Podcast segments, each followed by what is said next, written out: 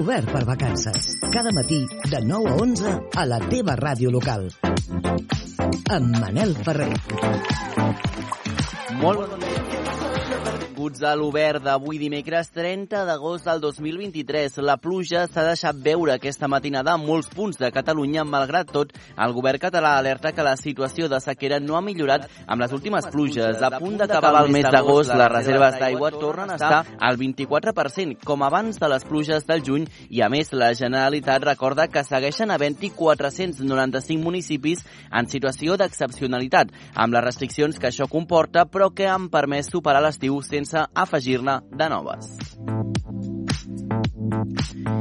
I avui també Pedro Sánchez i Alberto Núñez Feijóo es reuniran a les 10 del matí al Congrés sense cap possibilitat d'arribar a un acord que desencalli la investidura. El candidat popular encenta amb Sánchez la ronda de contactes quan falten 28 dies perquè s'hagin de sotmetre a una investidura que tot apunta que serà fallida si no hi ha un gir d'última hora que passaria per un improbable canvi de paper de Junts o del PNB. Por eso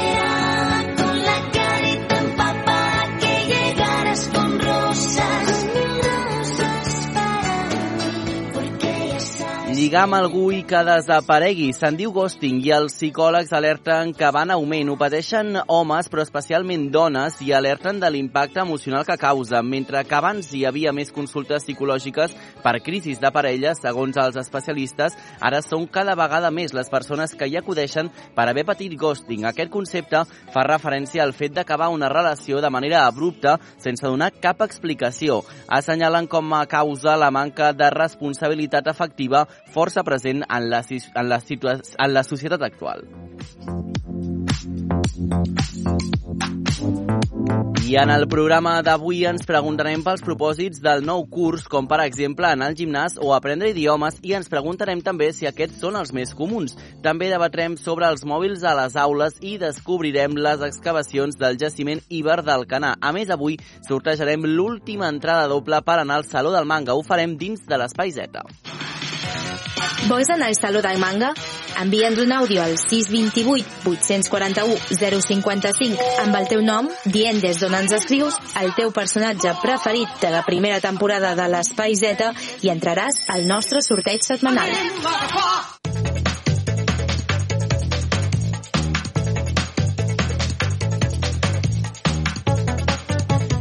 9 i 6, és el moment d'anar cap a Vic un dia més. Ens està- espera el nostre company Miquel Giol a un altre lloc de la ciutat. Miquel, bon dia. Avui què podem esperar de la visita?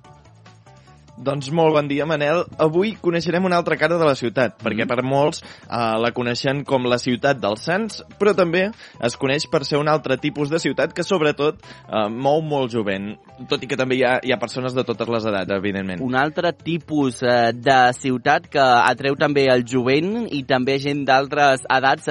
Explica'ns una miqueta més, va, si pots.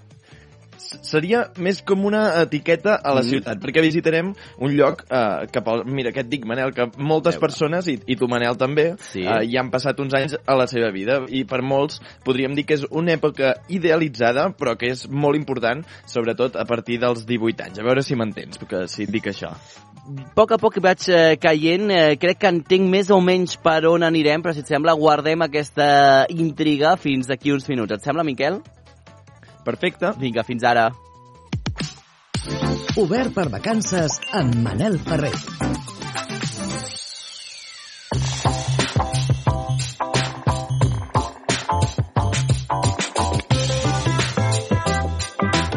I ara que som de ple en la recta final de l'estiu, si més no del mes d'agost, tornen les promeses i la voluntat del canvi d'hàbits, un clàssic de cada setembre que moltes persones es plantegen i que no tothom acaba complint és apuntar-se al gimnàs per entonar-se després d'un període vacacional on el senderisme i els excessos en l'alimentació són molt presents. Bon dia, Àngel Hernández.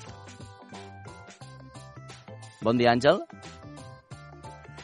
Doncs eh, hem perdut l'Àngel Hernández, no passa res perquè el tornarem a tenir d'aquí uns instants a l'Obert per vacances per parlar justament d'això que comentàvem, d'aquests accessos de l'estiu. És cert que estem de vacances, per tant, són aquests dies eh, o setmanes, en els millors dels casos, que descansa molta gent i que ens permet doncs, eh, relaxar-nos i segurament canviar una mica els nostres hàbits alimentaris i també les nostres rutines. Però clar, tornem a la feina, tornem a l'escola, tornem a les responsabilitats i cal tornar a endreçar una mica doncs, tot allò que fèiem al juny. Entenem que bé i que ara doncs, hem de tornar a fer en, aquests, eh, en aquesta tornada a les nostres responsabilitats. Dèiem que anar a l'escola, per exemple, eh, anar al gimnàs, eh, aprendre un idioma, eh, recuperar els hàbits saludables, són alguns dels propòsits que creiem o que més sembla que en repetim una vegada o d'altra. Avui descobrirem si certament és veritat que aquests hàbits eh, són eh, doncs els que més demanda tenen o si cada vegada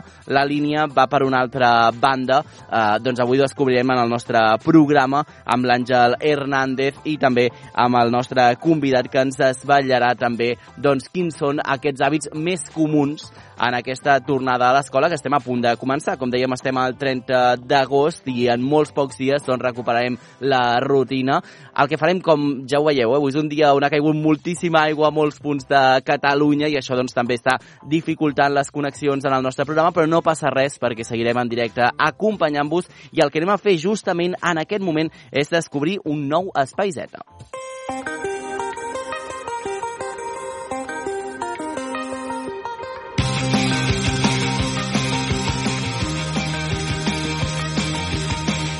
El darrer espai Z de la temporada. De fet, el dediquem a històries romàntiques pensades per un públic femení, el Sojo. Quines són les seves millors eh, sèries, les seves millors històries? Doncs escolteu el que les eh, lladres del temps li ha explicat a la Mercè Mainé. Són la Jeans, la Hanawi i la Lynx, responsables d'aquest podcast especialitzat en manga i anime d'història Sojo. Era somni i els anells, tots solquem el vent. 体中の細胞に火を起こすように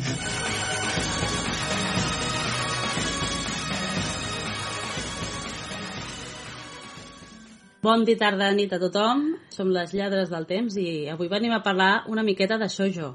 Va, agafaré jo relleu. Quan parlem de Shoujo, primer tenir clar que estem parlant d'una demografia. I què entenem per demografia, gent? Demografia és tot aquell públic objectiu al que es dirigeixen aquest tipus de mangas, còmics, etc. Ja són històries que es publiquen en certes revistes o que, en aquest cas i en el que parlarem avui, dirigit cap a noies o dones. Fem una analogia fàcil. Tothom més o menys coneix o sona que és una superpop, una Barbie o alguna així.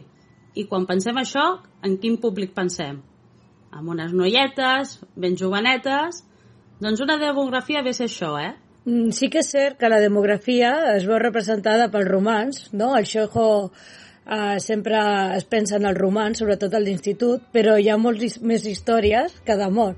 I un dels gèneres més destacats i més populars al Japó, per exemple, és el terror. I aquí dintre de la demografia també podem trobar la fantasia o el drama consumista i un gènere que té molt d'èxit és el voice love. Jo sempre dic que hem de diferenciar entre demografia i gènere. Demografia, en el fons, a nivell japonès, és la revista on es publica l'obra en concreta. Ells tenen les seves revistes, com podria ser la Superpop o la Playboy, aquí en temen tot, i llavors tu saps que més o menys allà trobaràs una sèrie de contingut. El que passa que la realitat, tu dintre aquella revista, després potser te trobes històries de terror, fantasia, o sigui, coses que per què no pot haver un voice love dintre d'una revista pensada en una demografia femenina? Òbviament el públic no és únicament femení, això ho pot llegir tothom, perquè si entrem per gènere, a la gent té gustos de diferents tipus de gèneres. Història, eh, fantasia, tornem-hi, eròtics, per què no? Er- Eròtic explícit, o sigui, podem jugar moltes coses. Per això jo dic sempre que demografia i gènere no van de la mà. I llavors la gent tendeix a identificar gènere com a demografia i això és un error. Bueno, i d'aquí ve la màgia. Recordem que Junji Ito, que és un dels artistes de gènere de terror més coneguts al Japó, i inclús a nivell internacional, va començar en una revista de shoujo. I les seves obres més importants es publiquen i serien de monografia shoujo. Doncs aquí ho fem distribuït i ja que he començat a parlar jo, continuo i jo agafaré el meu clàssic, agafaré Marmelada Boi, que va arribar aquí a casa amb la família Crece en el seu dia, que van fer l'anime a TV2 i a dia d'avui la trobem editada per Planeta Còmic a una edició Kanzenban, sis volums. Jo la recomano moltíssim perquè és la història, és com una espècie de Tiribu de los Brady però sense ser això. De cop i volta, dos parelles, cadascuna amb un fill i una filla, es van a viure junts. I a partir d'aquí, el que han de ser com germanastres, sembla que és una cosa més enllà, perquè no són germanastres, pròpiament. És algo raro, perquè el que fan és els pares es giren, es divorcien i es van a viure tots quatre junts. Després, jo passaria a més actual, en Viviendo con Matsunaga, editada per Echimanga, una sèrie que està tancada, però de moment a casa tenim tres volums i ens explica la història de l'amico que per coses de la vida es va viure al hostal on viu el seu tiet. I allà, pues, ja ho diu el títol, Viviendo con Matsunaga. Personalment, fàcil de veure. Llegiràs el que vols trobar en un sojo de romans pur i dur adolescent. Per mi un clàssic que és pràcticament obligatori per tothom a qui li agrada el shoujo és Ouran Host Club de Visco Hattori i editada a Espanya per Panini de la qual tenim en la seva edició normal 14 volums tancats i actualment hi ha una edició que s'anomena la Maximum que van per al tercer volum. Uh, L'argument és fàcil. Un institut de nens totalment rics on entra un alumne becat, en aquest cas un noi que es fa dir Haruhi Fujioka i que per error trenca un gerro molt car que no es pot permetre. Al club on el trenca li fan treballar i es descobreix que el que semblava un noi no és més sinó que una noia que li dona molt igual al seu aspecte. Per entendre'ns bé, és una mena d'harem invers. Serien un grup de nois que estan interessades per una sola noia. I és bastant divertida, us he d'assegurar. En uns termes més actuals, us vull recomanar Kaicho One Maid Sama, editada a casa per, actualment, si no recordo malament, Ibrea. Aquesta sèrie, a banda que té un anime molt divertit, de fet, tracta de la Misaka, que és la presidenta del Consell d'Estudiants d'un institut japonès, una dona que és molt forta, molt decidida, a banda és qui porta la seva pròpia casa i té un caràcter molt fort. Però que el seu treball a temps parcial es tracta en ser maid d'un cafè on li paguen molt bé i li permet compaginar-se amb el centre. Fins que de cop un dia apareix un alumne d'intercanvi que es diu Sui i diguem que la cosa s'enterboleix bastant. És molt divertida, noies. La, per acabar, jo recomano Mars, de Fuyumi Sorio, que està editada aquí a Espanya per Arechi Manga. Són vuit volums, edició Cansaban, també. I tracta, és un romans costumbrista, que tracta de la Kira, que és una noia artista i que s'inspira en un noi típic temerari amant de la velocitat i li diu Mars com el déu, del, el déu de la guerra. I aquí ja comença, pues, tens de tot. Drama a, tot i pleni. I, per últim, més modern, tenim Tokyo Girls, de Kiko Higashimura, que està editada per Planeta Còmics, són vuit volums normals, i expliquen les aventures i desventures de tres noies de, que estan voltant els 30 anys i la seva vida amorosa en la Tòquio actual, abans de les Olimpiades. els somnis i els anells, tots solquem el vent. 体中の細胞に火を起こすように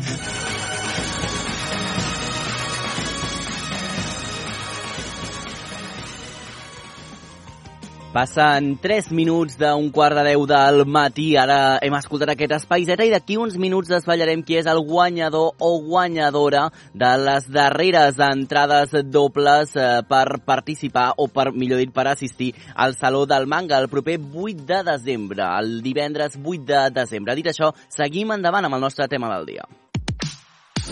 Obert per vacances. Busca'ns a la teva ràdio local.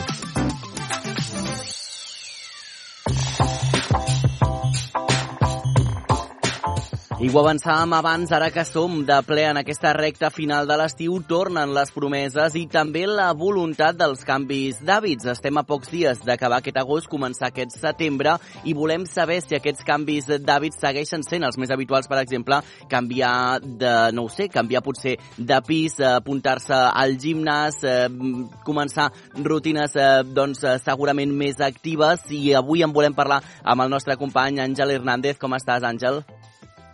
Molt bon dia, Manel, com estem? Molt bé, escolta'm, tu tens eh, ja propòsits per a aquest nou curs o no te'n marques? Mira, jo la veritat que aquest any, com no he tingut estiu, perquè Clar. he estat treballant aquí amb tots vosaltres, doncs és com que el curs mai ha acabat. I és que avui, com deies, he, deixat la redacció de Badalona Comunicació mm. per venir-me al gimnàs Badalona Fitness, d'aquí del barri de Bufalà, de Badalona, per parlar una mica doncs, ara dels nous propòsits. Mm -hmm. És que, doncs sí, la veritat és que setembre, com a molt bon mes postvacacional, és un moment on les matrícules augmenten perquè moltes persones doncs, s'apunten als gimnasos atiats una mica pels remordiments de, de l'estiu i del sedentarisme perquè i d'alguna manera doncs, aquestes persones doncs, busquen d'alguna manera, com deia, a, com perdonar-se a ells mateixos però aquestes ganes de tornar al ritme i a la vida sal saludable pot ser també perjudicial. Ja saps, Manel, allò que diuen en castellà sí. de lo poco gusta i lo mucho cansa. Ja que si venim d'un període on l'exercici bàsicament ha estat absent, doncs tornar la, amb molta força a l'activitat física pot causar lesions i la veritat és que ningú volem lesionar-nos, Mm, no? Clar, oh, i tant. I d'altra banda, i d'altra banda, ja saps que a mi m'agrada molt doncs, aportar dades prestigioses Mm. pels nostres oients, i és que un estudi de la prestigiosa publicació científica nord-americana, la revista Atens d'Endocrinologia Ah. Clínica i Metabolisme, demostra que fer esport abans d'esmorzar Mm. és la millor manera per multiplicar els beneficis per la salut, concretament en la crema de greix. Això també vol dir que, si us plau, tampoc arribem aquí a fer molt d'exercici sense menjar res que després ens dona un patatús, eh? Exacte, doncs per trepitjar sanament per primer cop al gimnàs o retornar-hi amb consciència, tenim amb nosaltres el Marco Rodríguez, ell és entrenador personal i tècnic d'activitats dirigides al gimnàs Badalona Fitness. Bon dia, Marcos, com estàs? Hola, bon dia, Manel. Eh, Molt hem- bé, aquí estem. Hem parlat de que el setembre és un dels mesos amb major nombre de matrícules. Eh, no sé si això ens ho pots eh, certificar i no sé amb quines xifres us moveu. Es nota que, que un cop passa l'estiu comença a haver més activitat a les sales? Doncs sí, precisament per aquest objectiu de la, de la gent de nou propòsits, mm. sí que augmenten les matrícules respecte a altres mesos un 50%, tant al setembre com l'octubre. Sí, sí que es nota. I després també molts usuaris doncs, apunten a- al gimnàs per primer cop i no en tenen gaire idea de com funcionen ni les màquines ni tampoc doncs, seguir les rutines d'exercicis. Quins exercicis tu com a entrenador i personal d'aquest gimnàs recomanaries a les persones que, per exemple, no sé tu Manel, Mm. mm. però com jo mai he trepitjat un gimnàs. Tu l'has trepitjat alguna jo vegada? tampoc, jo sóc més de- d'activitats que no pas al gimnàs com a tal. Doncs la veritat és que, mira, és que ni sóc novell, és que mai he trepitjat un gimnàs. Doncs Marcos, ja que tenim aquí amb nosaltres, doncs quins exercicis recomanaries a les persones noves? Doncs mira, Àngel, el primer de tot és venir, és venir al gimnàs i veure que és un lloc on pots entretenir-te, divertir-te, passar-ho bé, a més de- d'entrenar. Tenim aquí un servei d'entrenador també a la sala quan de benvinguda, que et fa una entrevista i segons els teus propòsits, els teus objectius, et recomana una cosa o una altra. Per començar, sempre a la, a la sala de màquines que sol dir, de, de peses, es pot fer un circuit multimuscular amb una mica de cardio per adaptar el cos a l'entrenament i, i aprofitar ja que, que has vingut. I també en aquesta entrevista et pregunten pels teus interessos, gustos, que si, si et vols fer alguna classe dirigida Mm. i d'aquesta manera també orientar-te. D'aquesta manera a fer una classe, si t'agrada ballar, de zumba. Si vols fer una mica de tonificació, eh, pots fer un body pump. Si t'agrada més l'aigua, els aquagyms. I d'aquesta manera començar a poc a poc, sense risc de lesions, perquè sempre tens aquest consell de, del tècnic, i, i començar a fer aquest esport. Mhm. De fet, eh, Marcos, també estan els eh, clients que són assidus, però que tornen després de- eh, d'aquestes vacances, no? d'aquestes setmanes potser de descans. Eh, Aquests, eh, quin tipus d'entrenaments progressius els hi suggeriries? Com poden recuperar la rutina? Doncs sí, mira, Manel, eh, sobretot és tornar i tornar a agafar aquest hàbit, perquè sempre costa, sí? Si tens una rutina de venir tres dies a la setmana, per exemple, després dona molta mandra tornar, tornar a aquesta rutina. Però sobretot és tornar a fer el mate la mateixa rutina que tenies abans però d'una manera més suau, no agafar el mateix pet, no fer la mateixa intensitat. El cos té molta memòria i no seria com començar de, de zero, seria com començar com si hagués fet un descans uh -huh. i, el, i el cos, la veritat, que, que s'acostuma ràpidament a retomar aquest hàbit. I doncs també, Manel, doncs jo, mira, com hem arribat una mica abans, sí. avui a les instal·lacions aquí del Badrona Fitness, doncs he tingut el plaer de que m'han fet una passejada per mostrar-me les instal·lacions. Ai. Sí, clar, és que, home, clar, és que aquí jo m'he fet un nom ja, ja veig, eh, després de, ja de ser reporter de l'Obert per vacances. I doncs, bueno, doncs al gimnàs ells ofereixen doncs, sales de màquines, classes dirigides com les de Zumba, que havia dit el, el Marcos, però també tenen sales de bicicletes estàtiques i cintes. Però a més també he tingut el plaer de, de veure-ho en primera persona. Tenen piscina, servei de d'estètica i fins i tot servir de nutrició, ja que tenim, ja tenen algun dietista doncs, que et recomana algunes indicacions pels aliments. De totes les instal·lacions, Marcos, quines són les més sol·licitades pels usuaris? Quines són les que diries tu que tenen més èxit? La que quan tu et passeges per les instal·lacions dius, mira, aquí hi ha més persones. Doncs mira, sobretot eh, a la sala de fitness eh, ve molta gent perquè és la que està oberta i és un horari il·limitat des de cobra fins a que tanca el centre i ve bastanta gent aquí. Mm -hmm. Tenim vuit plantes a tota la instal·lació, entre elles les tres sales de fitness i les cinc sales de dirigides i també on més van a la de dirigida és, és aquí a fer classes en, en grup i entrenar en grup sobretot, com hem dit abans, és a la piscina. La piscina és on més afluència, afluència de gent tenim, a les classes d'aquagim. Després, les classes que més tenen èxit són les de, les de Body Pump i HBX. Són classes que demana molta gent, també per la motivació, per la música que es posa i el tipus d'entrenament, que sempre surts d'aquí amb, no sé, més content, amb mm -hmm. molt, molt, bon, molt bon humor. Mm -hmm. De fet, eh, Marcos, eh, segurament molta gent abans d'anar al gimnàs eh, va abans a comprar tot l'equipament, no? tota la roba, tots els estilismes, abans d'anar al gimnàs i de provar eh, l'activitat. És a dir, que realment es podria gravar segurament una sèrie no? de tots els models eh, que hi han de, de roba diferents, però tu com a especialista, com a expert, eh, quina roba i quin equipament eh, recomanes per començar al gimnàs?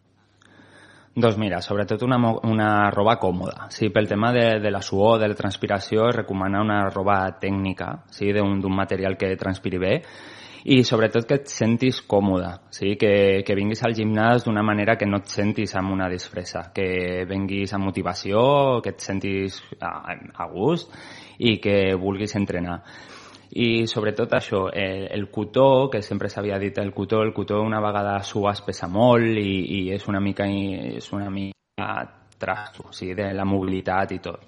Una roba, una roba que puguis moure, que transpiri bé i que et sentis bé. I després també aquí, com havia dit al principi, doncs teniu el servei de, de nutrició i és que també crec que la nutrició, bueno, crec que creiem, hi ha molts estudis que ho rebuten, l'alimentació doncs també és molt important per tenir una, sana, una vida sana i no només és matar-te al gimnàs per fer esport. Um, ja que doncs, una bona alimentació doncs, ens preveu doncs, de lesions i de quedar-nos sense força durant els entrenaments i fer que nosaltres no, no el puguem acabar. Uh, per tu, quin aliment, Marcos, és imprescindible abans durant i després de la jornada doncs, per no tenir les agulletes o per resistir. Vale. Sí, aquest és un tema més per adaptar a cada persona, perquè cada persona és un món i el tema de l'alimentació s'ha d'adaptar bé. Per això diem, diem que tenim el servei de nutrició i es pot oferir un servei mm-hmm. especialitzat a cada persona. Sobretot abans de, de l'entrenament, una mica d'alimentació, si vens al matí, algun làctic, una peça de, de fruita, alguns fruits secs. Ara que estem a l'estiu i aquest estiu amb tanta calor que, que hem tingut, es sua molt i en comptes de beure solament aigua, doncs alguna beguda isotònica sí, per repondre les tants minerals, eh, electrolits i sobretot super important després del gimnàs eh, tornar a menjar, a menjar alguna cosa per, per poder fer aquesta recuperació sí? no fer això que de dejú o deixar de, deixar de, de menjar sobretot després de, del gimnàs. S'ha de, de, de recuperar bé. Doncs això és importantíssim. Eh, Marco Rodríguez, entrenador personal i tècnic d'activitats dirigides al gimnàs Badalona Fitness. Gràcies per passar avui per l'Obert per Vacances. Doncs res, de res. Marcos, t'haig de demanar una darrera cosa. M'has de dir un número de l'1 al 40, el que més t'agradi, perquè serà la persona guanyadora de la nostra entrada doble per anar al Saló del Manga el dia 8 de desembre. Un número de l'1 al 40, el que tu vulguis. Doncs mira, el 27. El 27, perfecte. Doncs moltes gràcies, Marcos, i gràcies, Àngel. Si vols, pots començar ja a fer abdominals i flexions. Jo ara amb el supermís potser abdominals i flexions no, però ficar-me a la piscina, fer una mica d'aquagim, molt potser. bé, molt bé, M'he posat al banyador, eh? Mira, doncs aprofita, aprofita Vinga. la jornada. Gràcies, Àngel. Fins la propera. Home, clar. Adéu. I és que, com deien, s'acaben les vacances, comença la rutina i també els nous propòsits, com aprendre idiomes. Molts estudiants s'apunten a extraescolars i una de les més comuns és l'anglès. Les acadèmies de Sabadell noten, setembre rere setembre, un boom d'interessats en els seus cursos després de les vacances d'estiu. Avui coneixerem el cas de l'escola Fun English School eh, de la mà de la Júlia Ramon, de Ràdio Sabadell. Bon dia, Júlia. Hola, bon dia. La majoria de joves i adolescents van a classes particulars d'anglès com també van a l'institut. Ho tenen força interioritzat. Però justament durant les vacances, quan molts adults s'adonen de l'important que és saber parlar un idioma universal. Així ho percep la directora de la Fun English School de Sabadell, Anna Poveda. La gent surt, quan surt molts surten a l'estranger, llavors quan surten se n'adonen que, els, que els falta anglès i llavors um, s'ajunten diverses coses. La necessitat que veuen de l'anglès com, a, com un instrument real per circular pel món i a més a més també una mica els nous propòsits del setembre, que semblen una mica de vegades els del gener. En aquest sentit, Poveda detalla que hi ha un augment considerable de pares d'alumnes que també es volen apuntar a cursos d'anglès. Concretament, detalla que 6 de cada 10 persones que s'hi interessen s'acaben apuntant, però també reconeix que un 10% acaba llançant a tovallola, com també passa amb molts altres propòsits. I per què? Aquest és el motiu principal. Però moltes vegades, més que per falta de motivació, és perquè no són conscients del, de l'esforç i la dedicació que això eh, requereix. L'anglès és l'idioma més buscat, seguit del francès, l'alemany o el xinès.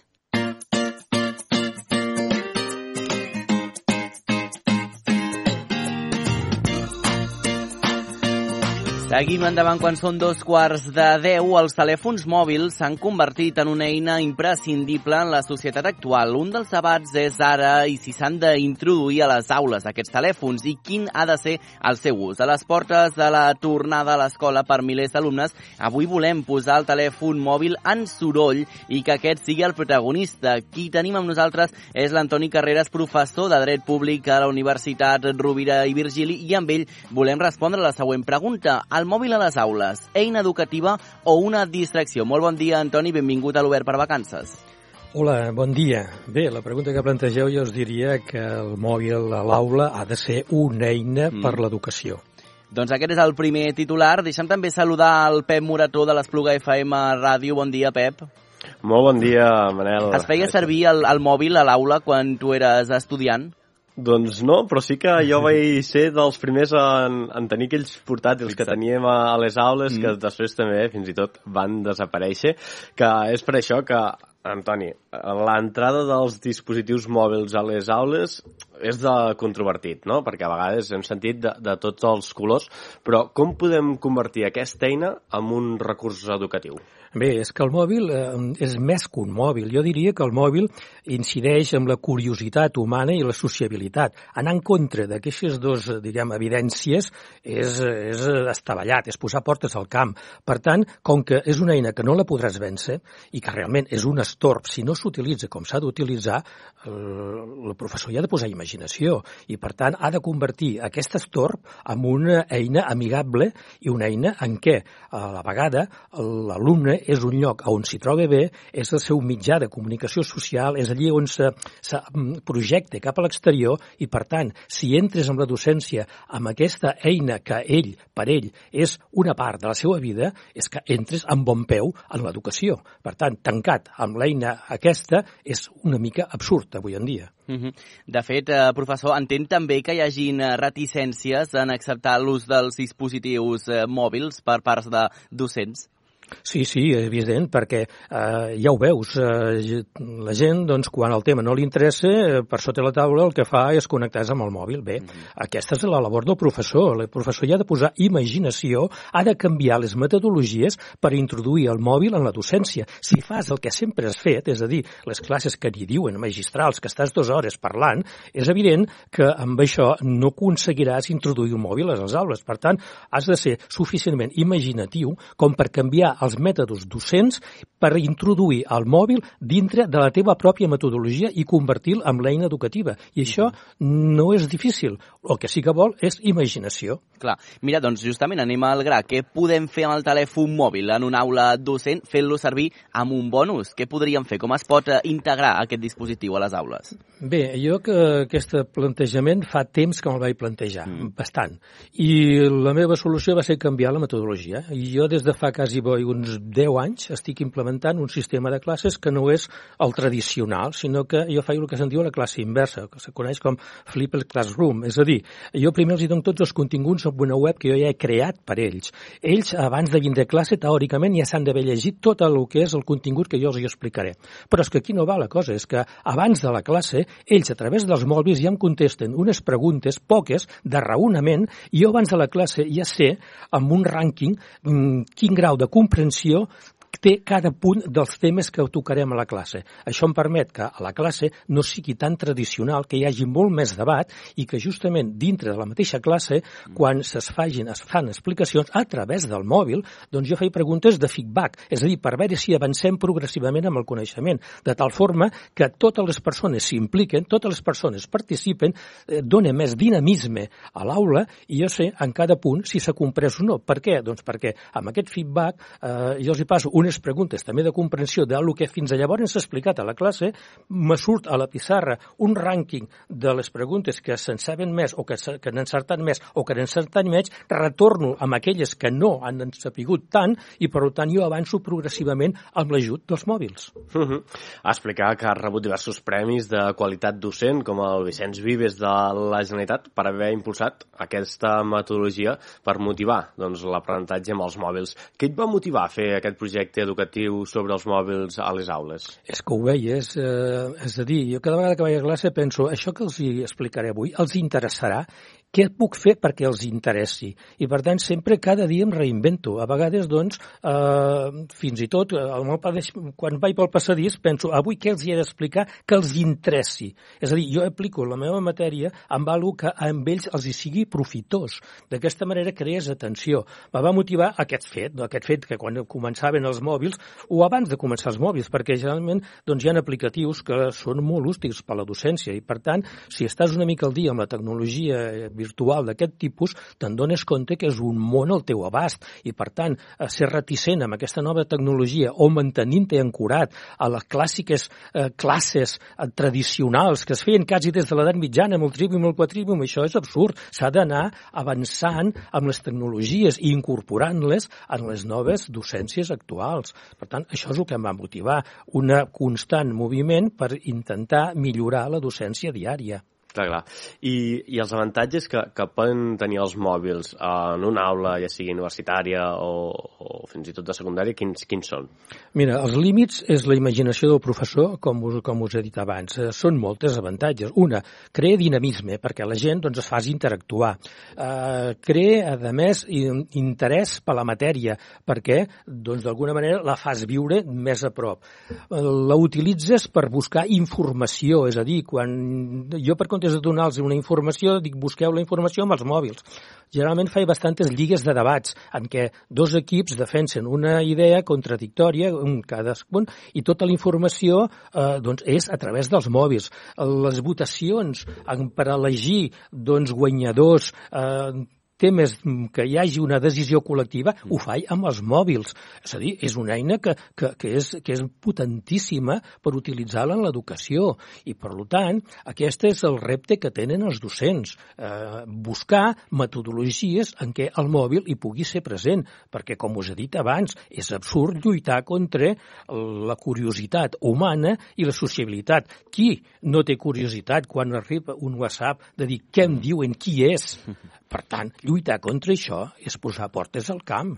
El camp l'has de conrear amb les plantes que tu creus que creixeran millor de i no deixar-el créixer amb les herbes. De fet, eh, professor, ara escoltava tots aquests eh, projectes, aquesta metodologia que aplica des de fa anys i que segur que són molt eficaces, però clar, també fent una mica de, de crítica cap a la resta de professorat, això també implica per poder preparar aquestes classes que els docents estiguin preparats i que tinguin intenció i ganes d'involucrar-se no? amb aquest eh, canvi de generació clar, i aquest canvi clar, de mètode. Clar, clar, clar, evidentment, és un canvi, jo diria, de mentalitats, mm -hmm. aquest aspecte, no? Perquè, eh, però clar, tot això és molt profund, eh? No és tan trivial clar. com sembla. És molt profund perquè cada un té una seva ideologia, la seva forma de fer, la seva forma de veure la feina. Primer que tot, necessites que la docència t'agradi, necessites que la docència eh, sigui la teva vocació. Si és això, trobaràs mitjans per fer-ho. Si la teva docència és un mitjà de vida i prou, aleshores passaràs de tot i aniràs bé a lo tradicional, a lo que no em porti fenya, perquè al final de mes cobrarà igual, no? Clar. Evidentment, d'aquestos n'hi ha pocs de professors, però generalment tots són una mica doncs, que els agrada la docència i, per tant, s'incentiven amb noves tecnologies i noves coses, no? I, per tant, a totes les universitats doncs, mm, hi ha més de bo que de dolent. Però hem de tenir en compte aquest aspecte, no? que el professor ha de tenir una capacitat d'amor per a la docència important per poder sacrificar la seva, mm, el seu mode de comoditat per trobar nous metodologies a través en les quals el, el mòbil hi tingui una, un paper important. Uh -huh. uh, un dels temes més complicats és a quina edat s'hauria d'utilitzar el mòbil. No sé si vostè creu que és millor ja en universitat, secundària, fins i tot doncs, més, més menuts. Sí, jo diria que el mòbil té uns límits, també com tota la vida. No? Un mòbil de, amb, amb, amb jovens, molt jovens, jo penso que és més prejudicial que bé, perquè els hi dones el, el món amb tot el bo i tot el dolent al seu abast, no? A un món que encara no saben discernir moltes coses. I, per tant, eh, jo diria que el mòbil ha d'entrar dintre d'una edat en què ja es tingui un cert coneixement, un cert raonament crític per saber el que és bo, el que és dolent, i, i aleshores és quan el mòbil hauria d'entrar amb força. Però alerta, que el mòbil ja sabem nosaltres que s'utilitza per coses doncs, que no són pas gens edificants i, per tant, això amb segons quines edats doncs és, no és formatiu, sinó tot el contrari, de formatiu, no? I aquesta és una mica la qüestió. Que en les universitats l'educació, en certs punts de l'educació, jo penso que s'hi haurien d'introduir, no? Per què? Doncs perquè és una eina doncs, molt potent. Mm -hmm. És una eina molt potent. De fet, dels mòbils hem passat a la següent pantalla, podríem dir-ho fins i tot eh, així, que és aquesta intel·ligència artificial, aquest xat per intel·ligència artificial, que no ho sé, professor, si això pot acabar sent també un eh, gran mal de cap per als docents i, i, i que també obliguen de nou doncs, a tornar-se a actualitzar per anar una mica més ràpid que la tecnologia. No sé si això és possible. Sí, el xat GPT eh, té coses bones i té coses dolentes. Ara, en principi, eh, jo diria que el docent doncs, s'ha de posar les piles, és evidentment, però alerta, qui s'ha de posar les piles és la pròpia societat, si anem més enllà. Per què? Doncs perquè l'alumne és molt fàcil per passar un examen, agafar el xat GPS, doncs d'alguna manera li donarà informació, una informació molt generalista, una informació molt poc contrastada, una informació molt poc crítica, perquè quan li demanes molt, te diu que només està actualitzat fins al setembre del 2021, és a dir, no domina encara les coses, el xat GPS, i això què vol dir? Que si l'alumne només utilitza el xat GPS per passar un examen, aquell alumne sortirà amb una mala preparació. És a dir, en un futur tindrem un mal professional que quan nosaltres li anem a demanar consells, aquell mal professional ens donarà uns consells desastrosos que, en definitiva, la pròpia societat, aquelles persones que els han anat a demanar consells, sortiran enganyades. De tal forma que és un bumerang. És un bumerang. És molt bonic per passar una carrera i per tenir un títol, però d'aquest serveix aquest títol si després no ets un bon professional? Clar. Perquè, eh, d'alguna manera, la societat te demanarà comptes de tot el que has après a la universitat. I si només vas per apressar exàmens eh, i només per passar treballs amb el JAT GPS, doncs eh, la situació futura de la societat no la veig massa, massa, massa bona. Això ja està passant avui en dia, eh? ja està passant avui en dia, perquè la, mm, generalment la gent ha perdut la cultura de l'esforç i, per tant, quan els hi demanes una mica més de de, de lo que mm, d'una forma molt planera troben, ja hi ha una dificultat. Oh, és que profe, això costa molt. No, escolti, és que la investigació vol esforç, el coneixement vol esforç, i per tant, si no hi ha això, doncs eh, la, la preparació i la professionalitat estan en risc. Veurem com evoluciona tot plegat. Antoni Carreras, un plaer escoltar-lo i molt bones idees les que ens emportem de l'entrevista que avui hem fet aquí a l'Obert per vacances. Moltes gràcies per haver vingut al programa i també molta sort en la tornada a les aules. Moltes gràcies a vosaltres. Gràcies als dos, eh, avui també doncs, per aportar-nos coneixement a l'Obert per vacances. Fins la propera. Adéu, adéu, Manel. Adéu.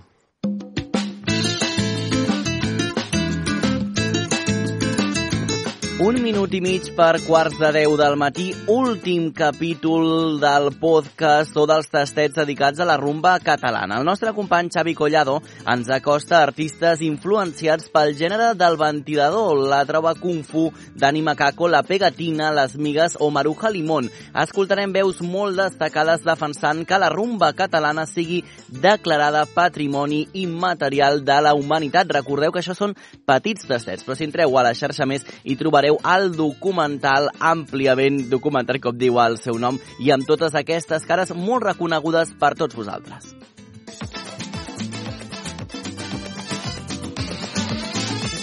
Amb el so del ventilador, amb el so del ventilador, una història de rumba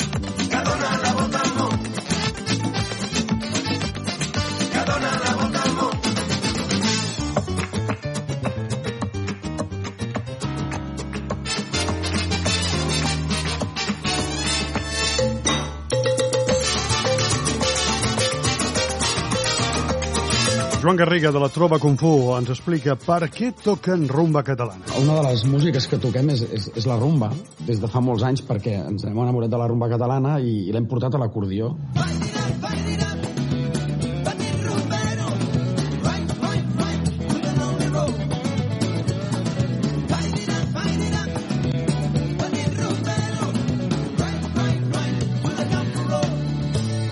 Macaco. Y la mano levantada que sí hay un ventilador bien claro en el estribillo, en la estrofa. Con la mano levantada. Yo tocaré. Ya pero voy tocando cielo. Con la mano levantada. És una cançó que jo vaig fer amb una guitarra, jo, jo soy zurdo, amb una guitarra al revés, de, de diestro, no?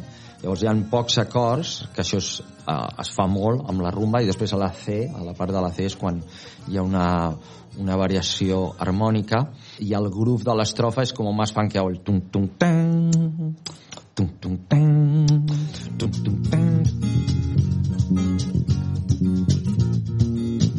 L'Adrià Soles, de la Pegatina, ens parla del gat rumbero.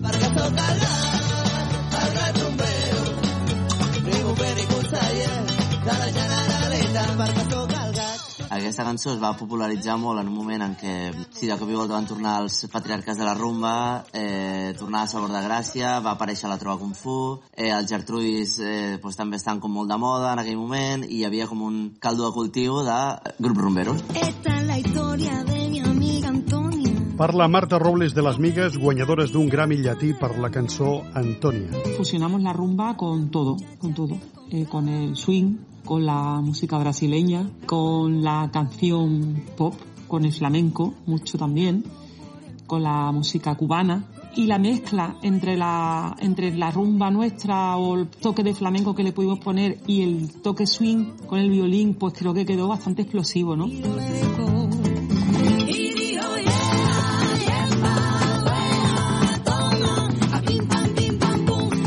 Les Maruja Limón incorporen la trompeta a la rumba catalana. la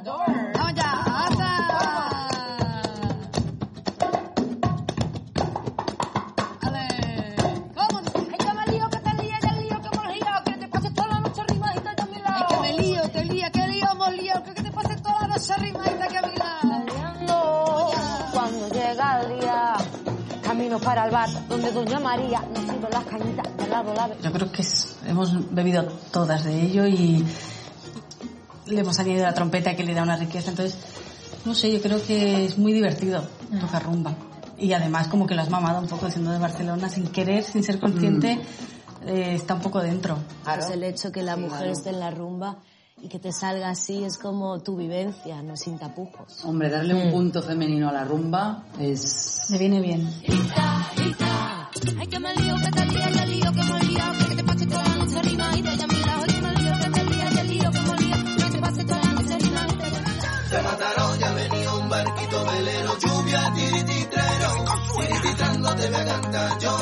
Les noves generacions de rumba catalana estan representades per el Júnior i el Gerai. Nosaltres doncs, fem, fem fusió, fem rumba urbana, que li diem Macedònia, amb tocs de salsa, tocs de, de, de, de, de flamenc.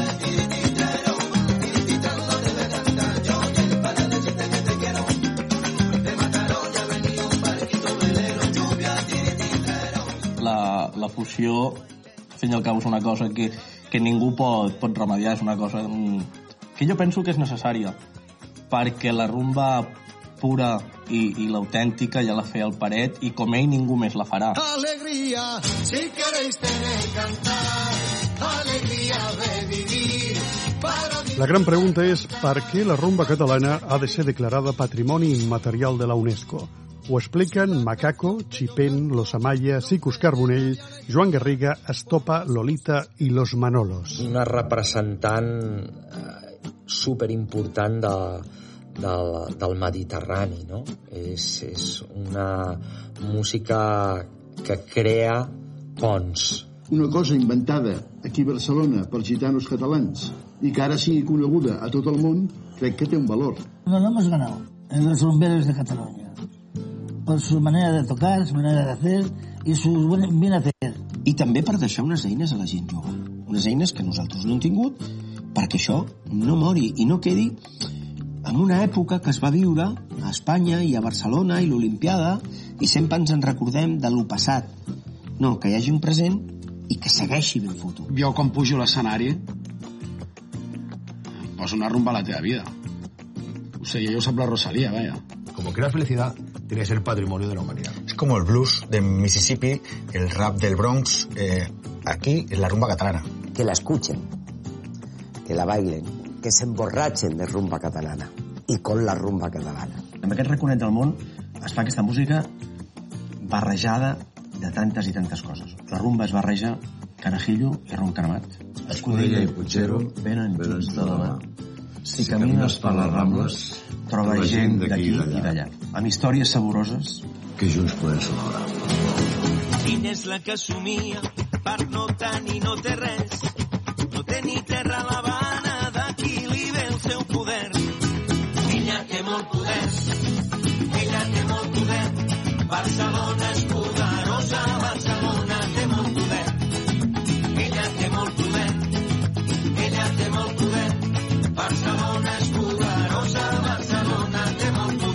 passeig de Gràcia, el cor dels infants, la seva paraula i la flor de la rambla, màgica gitana, gitaneta nostra, tan plena de gràcia, guapa perquè sí, gitaneta nostra, màgica gitana, romàntica reina, la que ens va parir, debat, abat, a tots el cor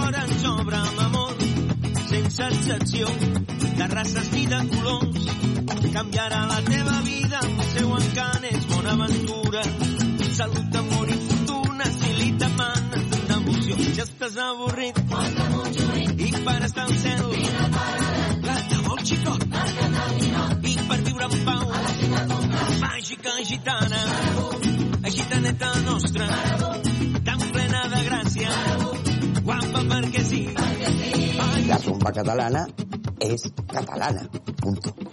Prou. Perquè és alegria, la rumba. La rumba et fa ballar. La rumba és, és elegància. És el Dalí de, de, de, de, de la pintura, la rumba catalana. Una manera de viure. És groove, és baile, és camine, és soniquete. Porque las palmas van taca, taca, taca, taca, taca, taca, taca, y la guitarra va el ventilador. Se te mueve los pies, se te mueve el culo, se te mueve la cadera. Sentiment i filosofia de vida. No se hace, se nace. És vida. Una veu, una guitarra i unes palmes. El meu pare. La rumba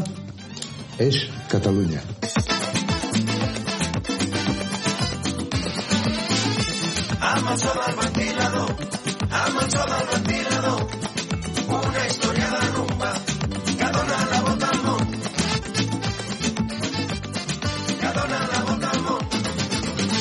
que dona la volta al món ben cert, ja ho sabeu, eh? podeu recuperar el documental a la xarxa Més i també dir, per cert, aprofitant aquest moment que Rafaelito Salazar, un dels fundadors del grup de rumba catalana Ai Ai Ai, que està treballant a l'Ajuntament de Premià de Mar, doncs avui justament també eh, ens deixa marxa, marxa per altres compromisos professionals i des d'aquí també aprofitant aquest ventilador el saludem.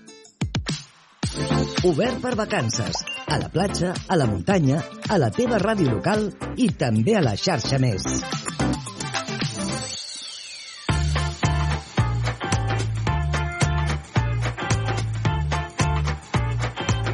És el moment de saludar l'Anna Gasol, com estàs? Bon dia, Manel. No Aquí sabies, animada. eh, això? al ritme, a la rumba del ventilador. No, no ho No ho sabies, això. Anna, que tenim aquí un dels fundadors de l'Ai Ai Ai eh, treballant a l'Ajuntament de Premià de Mar. Si és que això és un, un, un pou de Això és un sorpreses. privilegi, eh? Totalment, No, totalment. No ens ha cantat mai. Ara potser quan surti a esmorzar li demanaré que ens canti alguna cosa, però qui pot cantar, Anna, és ja el guanyador o guanyadora, el darrer guanyador o guanyadora de l'Espai Z, eh? I tant, toca desvetllar-lo i cantarà ben fort. Toca desvetllar-ho perquè ja ho sabeu, qui guanyi, que és el número, ara ho direm, el número 27, se'n va al Saló del Manga amb un acompanyant el divendres 8 de desembre. Si et sembla, Anna, anem a desvetllar qui hi ha darrere del número guanyador? Vinga. Doncs va, el número guanyador, el número escollit ha estat el número 27 i que correspon a... El Vicente de Barcelona. Vicente de Barcelona, que ens eh, feia aquesta aportació quan li preguntàvem pel seu personatge preferit de l'Espai Z.